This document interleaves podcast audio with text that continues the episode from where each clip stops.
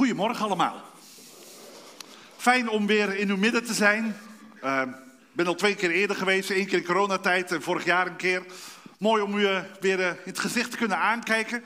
Mijn naam is Wietse van der Hoek. Ik ben voorganger van de baptistengemeente Bethel in Hogeveen, in Drenthe, Jeruzalem van het Noorden. Zoals de bijnaam is van Hogeveen, heeft te maken met de hoeveelheid kerken. Ik ben getrouwd met Wendy, die zit daar ook ergens in de zaal. En uh, wij hebben drie kinderen, David van 15, Elise van 13 en Anne van 8. En uh, het is een vreugde om uh, met u het woord van God te mogen delen. En we gaan dat vandaag doen vanuit Openbaring 19. Juist ook vanuit dat gedeelte. En ik wil vandaag met u nadenken over het thema wie is onze strijder? Want als het gaat om de strijd van de afgelopen weken, hoef ik u, denk ik, tenzij u helemaal geen enkele media volgt, niet uit te leggen dat er heel wat strijd gaande is in de wereld. En dat ons hart bloedt en huilt om het zien van beelden, of het nou van jonge kinderen zijn in Israël, van jonge kinderen in de Palestijnse gebieden. God huilt mee om zijn wereld.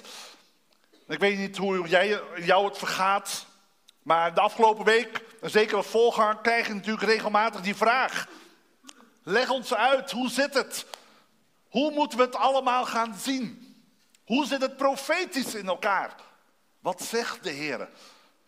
Ik neem aan dat u ook de afgelopen week wel die gedachte, de vragen misschien heeft gehad. Misschien zelf erover nadenkt, Heer, hoe moeten we de dingen duiden? En daarom is het goed om met elkaar op zondag erover te hebben. En daar wil ik graag met u over spreken. Laten we samen het Bijbelgedeelte erbij pakken. Openbaring 19, het eind van uw Bijbel. En laat ik heel helder zijn. Hier uh, komen we aan het slot van het Bijbelboek Openbaring. En laat ik alvast dit zeggen terwijl u het gedeelte opzoekt. Het boek Openbaring is geen boek van angst. Het is geen boek wat alleen maar ons wat tools geeft om nou, een spoor te volgen richting de eindtijd. Maar dit boek is juist geschreven in een context van een enorme strijd en vervolging. Allerminst al in de tijd dat het boek geschreven is, in 90 na Christus ongeveer, na de verwoesting van Jeruzalem. De diaspora van het Joodse volk wat door de Romeinen alle kanten is opgestuurd. En dan die vraag, heren, dat koninkrijk van u, komt daar nog wat van? En vandaag de dag zou je bijna diezelfde vraag weer kunnen stellen. Heren, waar gaat het naartoe in deze wereld? En dan is dat boek niet een boek van angst, maar een boek van troost. En ik merk dat in te veel gemeenten het boek dichtgehouden wordt. Soms omdat we het niet begrijpen, soms dat er beeldspraak in staat en we denken, wat moeten we ermee? Ik hoor ook helaas collega's waar die het boek Openbaring niet meer durven openen in de samenkomst, want het geeft zoveel strijd en gedoe onderling, want die heeft die mening en die heeft die mening. Maar laat het vandaag en vanmorgen als een bemoediging zien wat we vandaag mogen lezen. Ik lees met u Openbaring 19 vanaf vers 11 tot en met 16. Waar ik, en dat is hier de Johannes, en ik zag de hemel geopend en zie, een wit paard. En hij die daarop zat, werd getrouw en waarachtig genoemd. En hij oordeelt en voert oorlog in gerechtigheid. En zijn ogen waren als een vuurvlam en op zijn hoofd waren vele diademen. Hij had een naam die opgeschreven was en die niemand kent dan hij zelf. En hij was bekleed met een in bloed gedoopt bovenkleed. En zijn naam luidt het woord van God. En de legers in de hemel volgden hem op witte paarden, gekleed in fijn linnen, wit en smetteloos. En uit zijn mond kwam een scherp zwaard, opdat hij daarmee de heidevolken zou slaan. En hij zal hen hoeden met een ijzeren staf. En hij treedt de wijnpersbak van de wijn van de grimmige toren van de Almachtige God. En er stond op zijn bovenkleed en op zijn dij deze naam geschreven: Koning der Koningen en Heere der Heren. Tot zover het woord van God. Zalig ben je als je niet alleen hoort, maar erna gaat leven. Even kijken waar mijn afstandsbediening is. Ja, die is hier. Die ga ik aanzetten.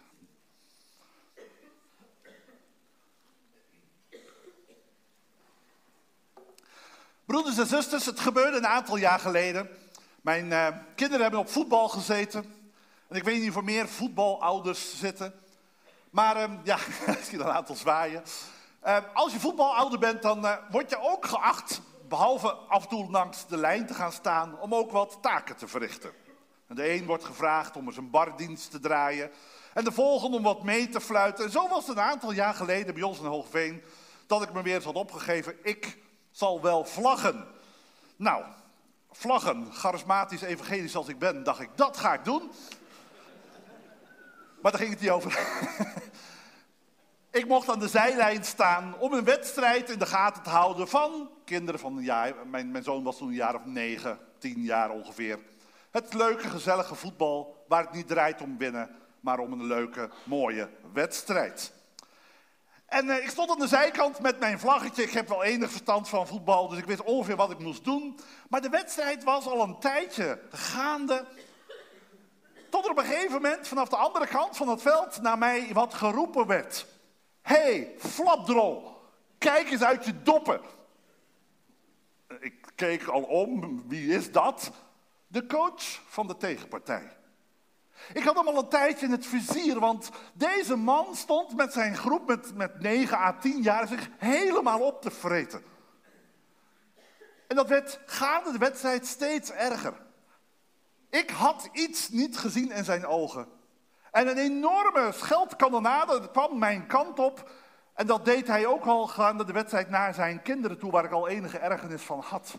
Als dat een coach is, hij had volgens mij het idee dat hij de finale van het WK stond te coachen in plaats van een team met 9 à 10-jarige kinderen. En op een gegeven moment, toen hij op een gegeven moment die opmerking naar mij had gemaakt, dacht ik op een gegeven moment, ga je twee dingen doen. Ik je zoekt het maar uit. Ik laat me hier niet voor gebruiken. En ik wilde eigenlijk al naar de zijlijn lopen en die vlag geven aan de scheidsrechter. Hier, hier, dit, dit wil ik niet. Dit ga ik niet doen. Maar toen op een gegeven moment, bij de rust, gebeurt het volgende. Ik lieg dit niet, het is niet verzonnen, dit is werkelijk gebeurd. Toen kwam er een jongetje van een jaar of negen naar mij toe van de tegenpartij. En hij kwam naar mij toe en zegt: Meneer, het spijt me voor het gedrag van onze coach. Hij doet het wel vaker. Wij kunnen er als kinderen niks aan doen. Oei, een jongetje van negen die dat komt zeggen: Sorry voor het gedrag van onze coach. En ik had natuurlijk kunnen weglopen op dat moment en zeggen, nou joh, ik laat mij niet intimideren, ik laat me dit niet gezeggen, ik zoek het maar uit, ik trek me wel terug, dit ga ik niet meer doen. Maar ik heb deze wedstrijd uitgevlacht, alleen al voor die kinderen. Na afloop dacht ik, dit, dit mag niet gebeuren. Dit mag niet. Ook al is het de tegenstander, niet mijn eigen partij. En ik ben samen met de scheidsrechter naar het, naar het, naar het wedstrijdbureau gegaan en zegt, Alleen voor deze kinderen moet hier wat gebeuren. En we hebben toch maar eens even gesproken ook met het bestuur van de andere partij. Van zo, zo kan je kinderen niet coachen, zo gaat het niet. Zo moeten we het niet doen. En deze kinderen, ook al was het de tegenstander, verdienden een andere coach. En weet je, in het geloof kan je soms diezelfde houding een beetje hebben. Het idee van zoek het allemaal maar uit. Ik weet het wel, hier wil ik niks mee te maken hebben. En of het nou de wedstrijd is van voetbal of het grotere wereldtoneel waarin je de dingen ziet gebeuren. Dat je soms ook de neiging kan hebben, Heer, ik wil het en kan het niet meer zien. En soms ook verbolgen kan zijn. En juist in het geloof mogen wij weten dat de Heer Jezus niet tegen ons zegt van kruip maar terug in je schulp. Het is ook niet alleen maar stil, maar wacht maar, alles wordt nieuw. Maar dat ook wij mogen weten dat wij een hemelse scheidsrechter hebben die weet wat er moet gebeuren. Waar we naar heen mogen gaan, of het nou David is in de psalmen of de gelovigen van het Nieuwe Testament. Wij hebben een hemelse rechter. En juist het boek Openbaring helpt ons om daar eigenlijk naar te kijken in een tijd waarin je vraagt, Heer, waar mag ik nou om bidden? En dan herken je dat gevoel wel eens, Heer, wilt u het oplossen? En dan, dan denk je wel eens, Heer, stuur dan maar die engelenlegers uit de hemel. En dan, dan kan je het over de grote conflict hebben, maar laten we het ook even dichterbij trekken. Die collega die je niet deugt. Die andere vraagstukje waar je mee kan worstelen, waar je soms, Heer, verdelgen toch. Je kan Bijbels nog verantwoorden met een enkele psalm. Maar is dat nou daadwerkelijk wat de Heer van ons vraagt? Om eigenlijk in ons eigen gemak de boel maar op te ruimen, zodat wij comfortabel zijn. En heel vaak zit daar het stukje wat wij op willen lossen, zodat wij niet meer wakker hoeven liggen. Zodat ik geen moeilijke vragen krijg. Zodat ik eigenlijk ten diepste verder wil met mijn royante leventje, comfortabel, zorgeloos, ziekteloos en alle andere dingen. Maar wie komt erop voor recht?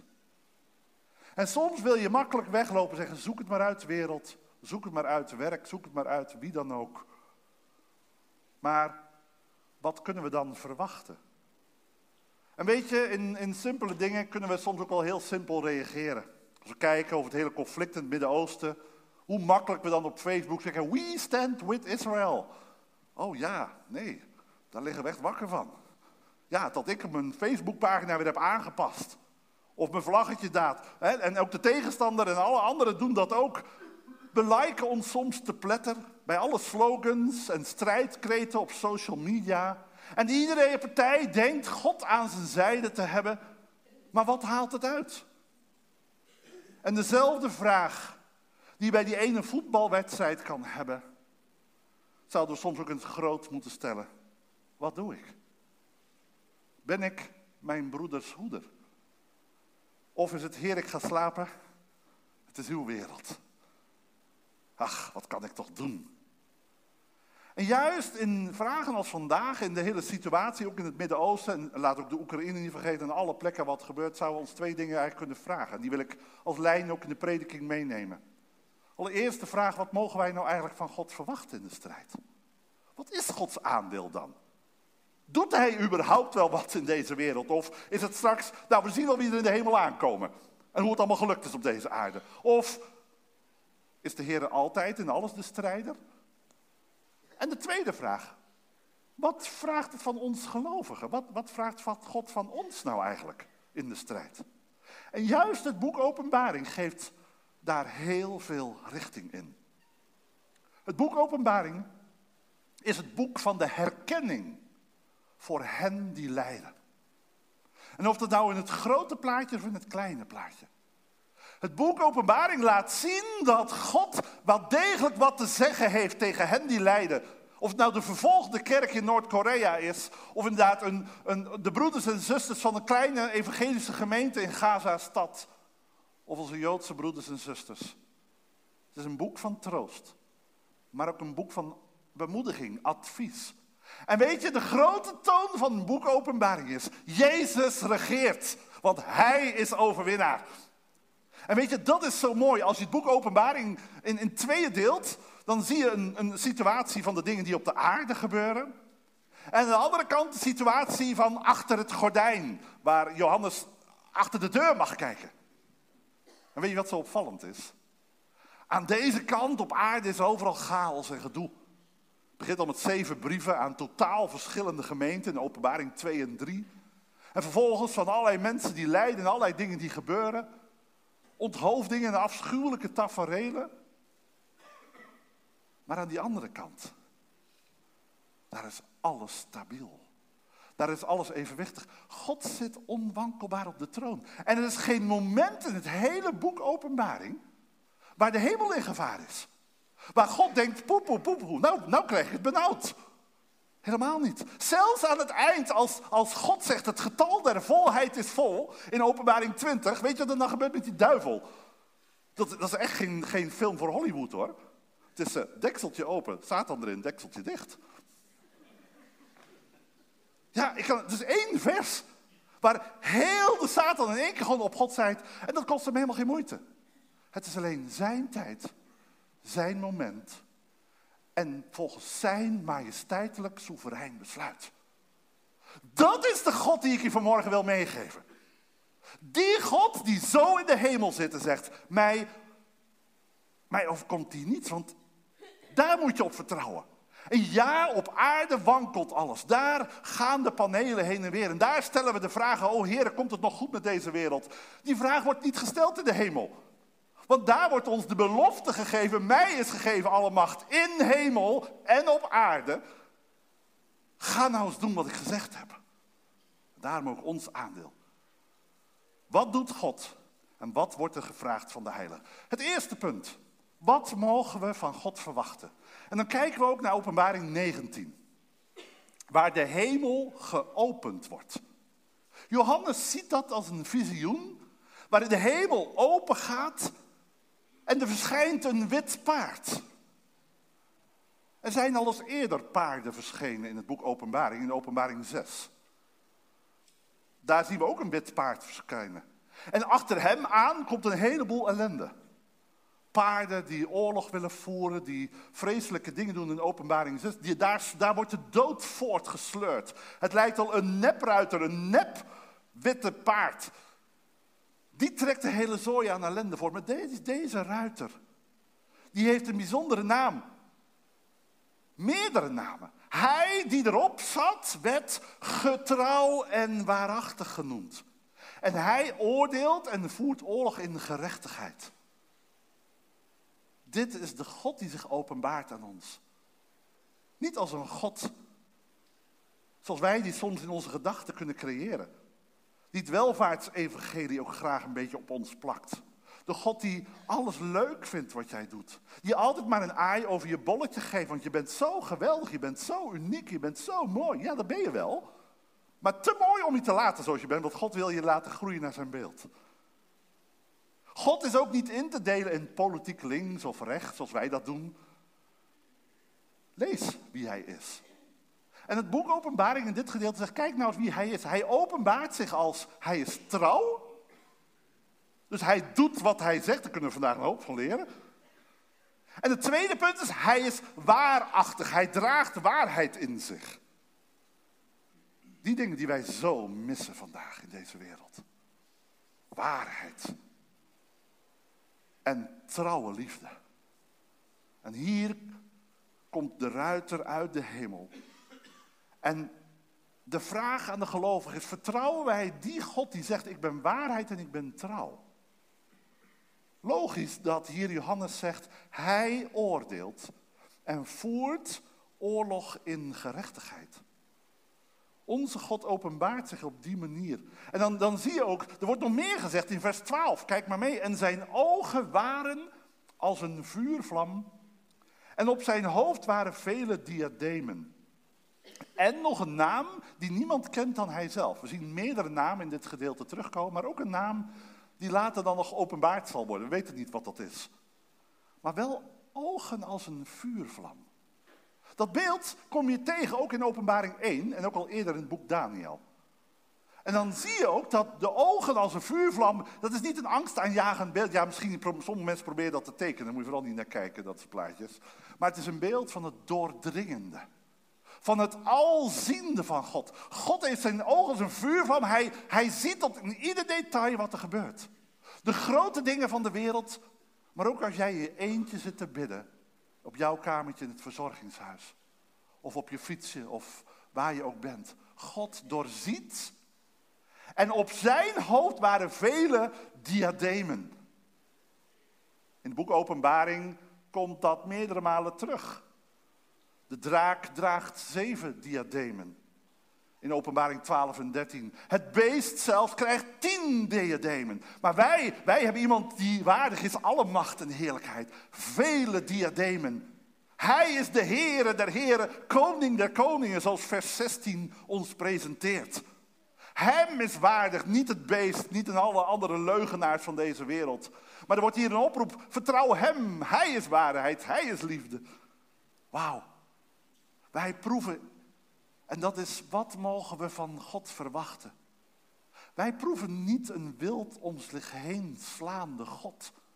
Niet een schreeuwende God die zijn gelijk moet halen, zoals wij dat vaak doen in onze discussies. Niet de God die alles maar liked wat leuk en aardig lijkt. Nee, wij proeven een God die boos is om onrecht. Want dat lezen we ook als we verder kijken.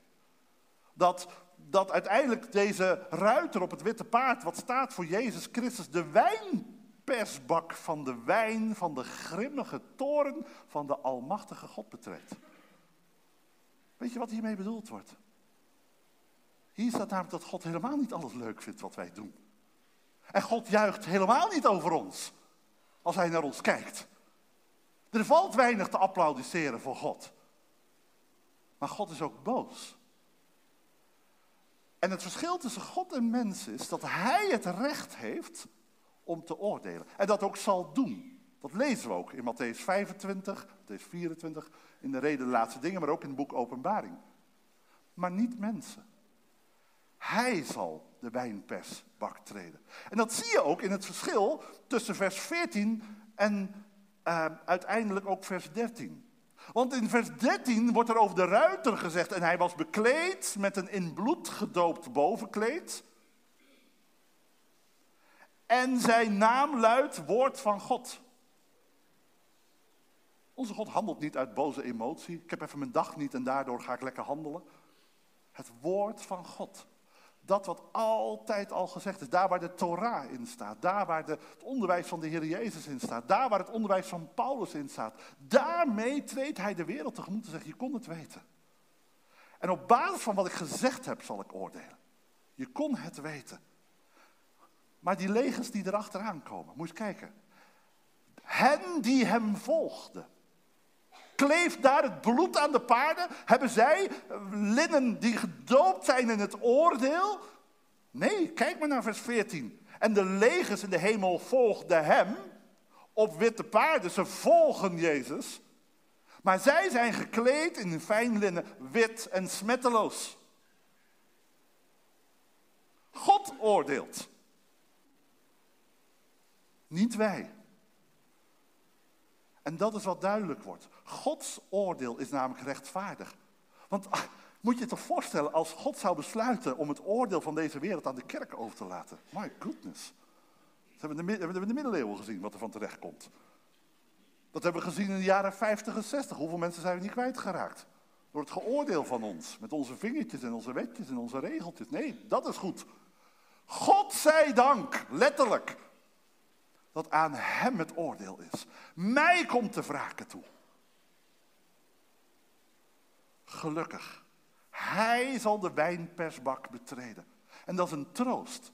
Een troost voor hen en met name de meest zwakke in de samenleving, die geen vinger in de melk te brokkelen hebben. Die mensen die zeggen, wat kan ik nou in politiek Den Haag? Wat kan ik nou doen voor Israël? Heb ik wat, wat betekenis? Nee, dat heb ik niet. Ik heb geen grote invloed in Den Haag. Vier mensen die het wel hebben, succes. Dan heeft u op uw plekje wat te doen. Maar ik niet. Ik ben gewoon aangesteld over mijn gezin. En als voorganger over mijn gemeente. En u misschien over die klas waar u werkt. En die afdeling in, in het ziekenhuis waar je voor aan de slag bent. Daar heb je een taak. Wij mogen zeggen, heren, aan u.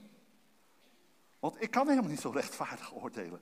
Ik handel vaak uit emotie wat ik zie en wat ik vind en met de beperkte kennis die tot mij komt, daar, daar doe ik mijn oordelen vaak op.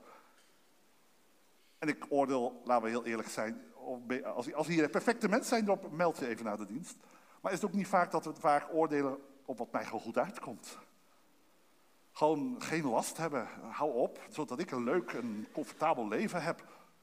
Wat mij goed uitkomt, wat mij goed bevalt, wat past bij mijn cultuur en mijn gedachtegoed, bij mijn politieke kleur. En we zien wat er van terecht komt als wij mensheid gaan oordelen. Nee.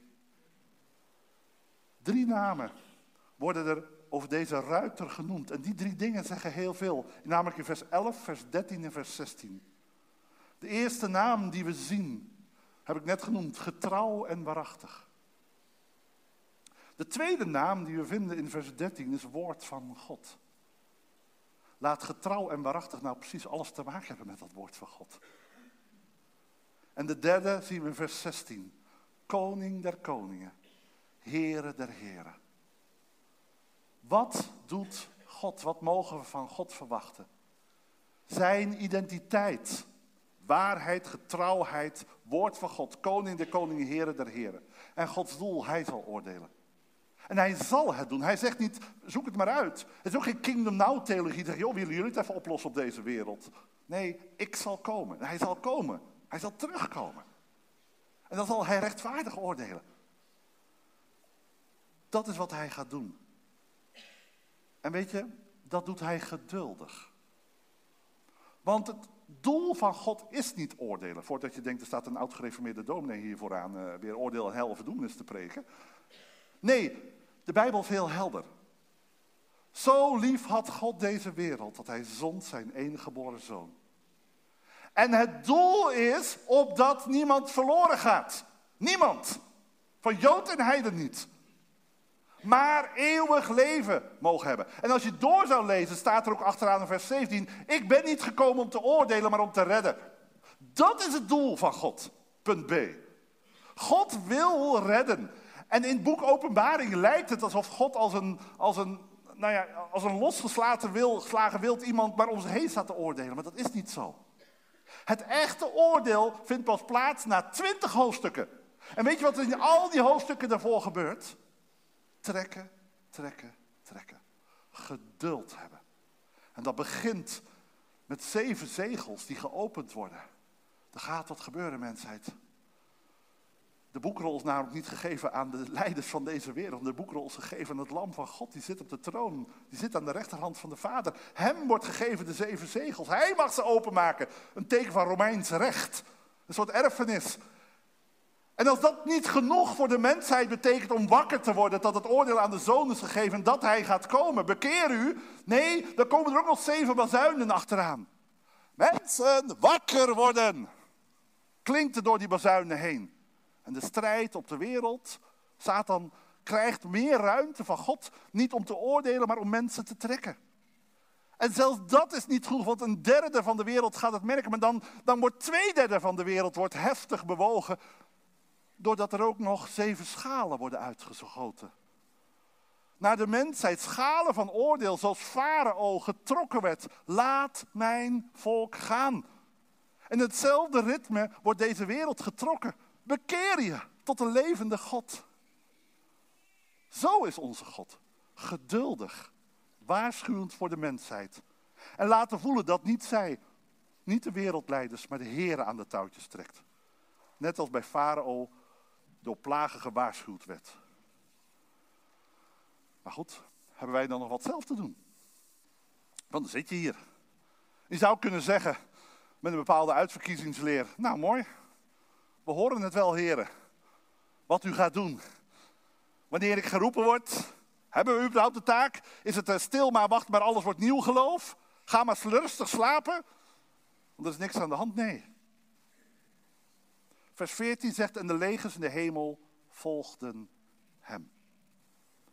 Op witte paarden, gekleed in fijn linnen, wit en smetteloos.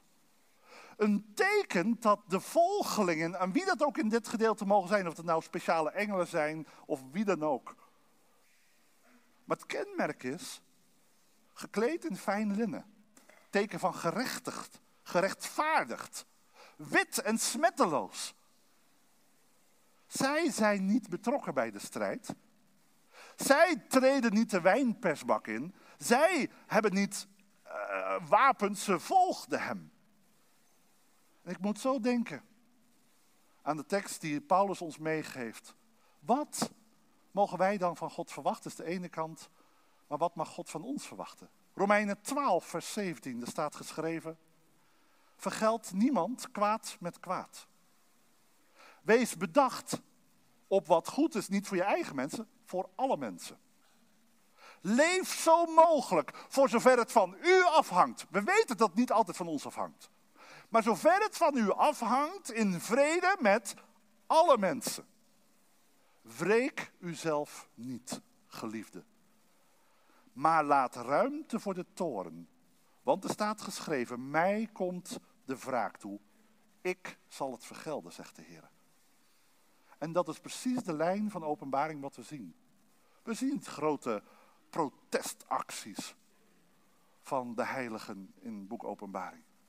We zien niet dat ze allerlei acties op touw zetten. Ze protesteren niet, ze proberen niet de Romeinse keizers van hun tijd om te leggen. Zij houden zich bezig met wat Jezus zegt in Matthäus 24. Als de hele eindtijdscenario wordt uitge, uitgerold, dan zou je ook die vraag kunnen stellen, Heer, wat moeten we dan doen? dan staan er drie werkwoorden. Die geven mij altijd zoveel moed. In vers 41, 42, 43, Matthäus 24. Die werkwoorden zijn drie dingen, daar hou ik me aan vast. Waakzaam, getrouw en rein. Oftewel, verstandig, getrouw, waakzaam. Dat is wat wij moeten doen. Waakzaam zijn, dat we waakzaam zijn van welke ruimte krijgt Satan? Waar laat ik hem toe in mijn leven? Verstandig zijn, dat ik me niet laat leiden door allerlei dingen die gebeuren, maar mijn oog gericht hou op de komende koning. Het mooie is, in Matthäus 25 wordt dat ook geïnterpreteerd.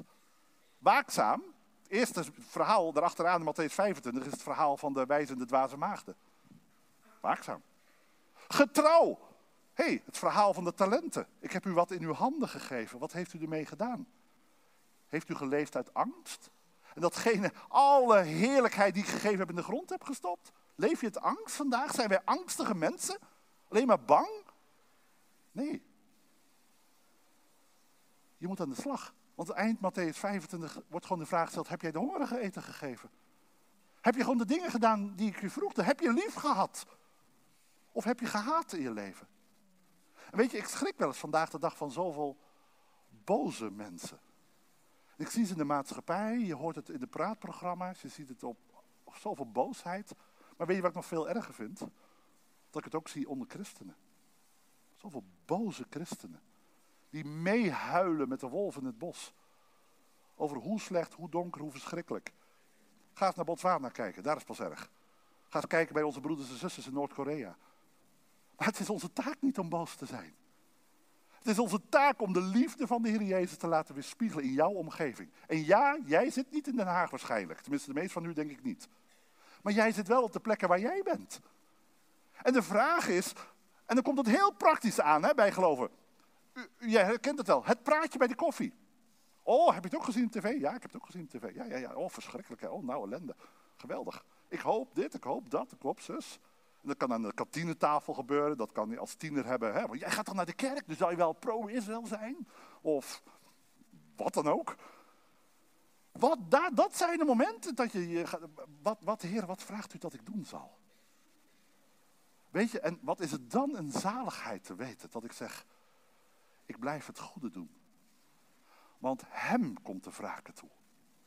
En ik weet, op staande op zijn belofte, waar deze wereld naartoe gaat. Ik heb geen negatief toekomstbeeld. Want op basis van het woord van God hebben wij, broeders en zusters, een positief toekomstbeeld. En ja, er zal strijd gebeuren. Ja, Satan gaat rond als een briesende leeuw. En dat deed hij bij de Romeinen, en dat deed hij bij de, bij de, in de middeleeuwen, en dat deed hij op zoveel terreinen. Maar hij komt. En hij vraagt, als ik terugkom bij jullie, Matthäus 24, zal ik dan geloof vinden? Ben je dan aan het handelen of ben je aan het zeuren? Ben je boos of verwacht ik rein, stralend van zijn heerlijkheid en zijn liefde? Oh, weet je, en als de Heer het al zal aantreffen, wat zal Emmeloord merken als wij zo in het leven mee zouden gaan staan? Dat je een andere toon aanslaat tijdens het gesprek. Dat je een verjaardag niet meewallt met het gedoe, maar dat je zegt, jongens, zullen we het even over mooie dingen hebben. En als we het over het mooiste hebben wat, wat God heeft zijn gegeven, is zijn zoon. Toch? Kan je nog zeggen of niet? Ja, ik hoop het. Samenvattend, ik ga richting de afsluiting. Weet je wat ik zo mooi vind in het boek Openbaring? Als je nou juist wat vraagt God van ons, dan. We kennen de zaligsprekingen uit de bergreden, maar Openbaring heeft ook zaligsprekingen. Zeven stuks. Ik ga ze gewoon even langs en dan zal je ontdekken dat wat ik net gezegd heb, terug te vinden is. Dit zijn allemaal de alle zaligsprekingen van openbaring op een rijtje, zeven stuks. Eén, zalig is hij die leest. En ze zei, die horen de woorden van de profetie en die in acht nemen wat erin geschreven staat. Twee, zalig zijn de doden die in de Here sterven van nu aan. Staat niet dat je niet dood zal gaan. Alleen sterven in Christus is overwinnaar zijn met hem. Drie. Zalig is hij die waakzaam is. Daar heb je hem ook. En die op zijn kleren acht geeft. Dat betekent niet dat je uit moet kijken welke kledingwinkel je komt. Maar het heeft te maken met seksuele reinheid. zodat hij niet naakt zal rondlopen en men zijn schaamte niet zal zien. De witte kleding, die we ook in openbaring 19 ehm, zien. Reinheid. Zalig zijn zij die geroepen zijn tot het avondmaal van de bruiloft van het lam. Ook in openbaring 19. Want het avondmaal van God, wat ook in openbaring 19 staat, daar wil je niet bij zitten. Dat is een ontmoeting met de levende God zonder Jezus ertussen. Dat is niet prettig. Wij mogen een ontmoeting hebben met onze levende God door Jezus Christus. Er is namelijk maar één weg tot zaligheid. Dat is door Jezus Christus de Heer. Zalig en heilig. Oké, oh, kijk, zit ik al goed? Ja. Die deel heeft aan de eerste opstanding. Over hen heeft de tweede dood geen macht. Dat betekent, die eerste dood kan je overkomen. En ja, ook door het kwaad. En ook door oorlog en geweld. Maar wie in Christus gelooft, heeft eeuwig leven. Over hen heeft de tweede dood, die naar plaats vindt bij dat oordeel, waarin wij helemaal niet bang hoeven zijn voor dat oordeel, want we kennen Jezus, geen macht. Op basis van deze tekst mag je zeggen, ik hoef niet bang te zijn voor de dood. En ook niet bang te zijn voor het oordeel. Zalig is hij die de woorden van de profetie van dit boek in acht neemt. En ook de laatste. Zalig zijn zij die zijn geboden doen. Zodat zij recht hebben op de boom des levens. En omdat zij, opdat zij door de poorten de stad mogen binnengaan. In het doen zit ook het koninkrijk. In de hemel gaan we namelijk doen met elkaar wat God zegt. Als je dat nu al niet wil, waarom dan later wel? Daarom zal je ingaan in die stad. Wat leert de Bijbel ons over de strijdtonelen in de wereld? Ten slotte. Wat leert de Bijbel ons? Negatief. Allereerst moeten wij accepteren. Satan gaat rond als een briesende leeuw. Ja. Zijn doel is het werk van God vernietigen. Gods doel is het werk zalig verklaren. Weet ook ten tweede dat Satan werkt als een engel des lichts. Satan zal niet komen als een een van de bokkenpoten figuur met hoorntjes, als je dat nog in een middeleeuws beeld uh, hebt. Maar Satan zal komen als zeer attractief.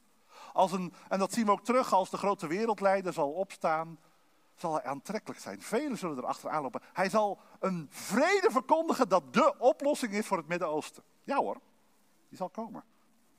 En de velen zullen er achteraan lopen, want als die vrede gaat komen door mensen gemaakt, ja, dan zal de wereld goed worden. Totdat hij zijn ware gezicht laat zien. En in de tempel wil staan met een afgodsbeeld. Er zullen vele valse Christussen en valse profeten komen, zegt Matthäus 24. Ze zullen, ze zullen zelfs grote tekenen en wonderen doen. Genezingen en allerlei andere dingen zullen plaatsvinden. Zullen hij ook doen. Opdat je niet meer Jezus volgt, maar dingetjes gaat volgen. Dat je meer aandacht gaat hebben voor, voor, het, voor het wonder dan voor de Heer. En er lopen er vandaag de dag al rond, denk ik, die dat promoten. De uitwerking van Satan is chaos, onrecht, verdeeldheid. Vooral ook onder christenen. Maar het positieve is, God laat deze wereld niet los. Zijn volk Israël niet. Hij is trouw aan zijn verbond. Want hij heeft een eeuwigdurend verbond gesloten met Abraham en zijn volk. Daarom. Alle volken zullen gezegend worden door Israël. Daarom houdt God van zijn volk. Maar hij houdt van ieder mens. En ieder mens zal delen in de zaligheid die door Israël gekomen is, door onze Messias. Op aarde hebben gelovigen geen automatisch voorspoed. Wij houden ons vast aan wat voor ons ligt. Hef je hoofd omhoog, want de koning komt. En als alles vaag is, en als alles duister kan zijn, dan is onze opdracht, focus je op de Heer Jezus. Weet je, want als we ons drukker gaan houden maken en drukker zijn met het kwaad dan met de Heer, dan ziet de wereld kwaad door ons heen. En de wereld, als wij ons focussen op Jezus. En op alle mogelijke duistere plekken lichtdragers zijn door Jezus binnen te brengen op je verjaardag. Door Jezus binnen te brengen op je werk en op al die plekken. Dan gaat er wat veranderen. dan krijgen mensen weer hoop. En ik denk dat heel veel Nederlanders vandaag verlangen naar waarheid. Naar liefde. Naar hoop naar antwoorden. En broeders en zusters, wij hebben het ontvangen van de Heer. Steek daarom uw licht niet onder de korenmaat. Wees smaakmakers in deze wereld. En als het gaat om het boek Openbaring, hou vast aan de hoop. Want Hij komt. Hij zal oordelen. En wij zullen Hem zien. En strakjes zal die dag daadwerkelijk aanbreken. Dat er een wereld zal zijn zonder pijn, haat, oorlog. We kunnen ons er soms bijna niets meer bij voorstellen. Maar als we meer van Gods woord gaan lezen, dan gaat het in ons leven. En zal Emmeloord zien, er is een Heer die leeft.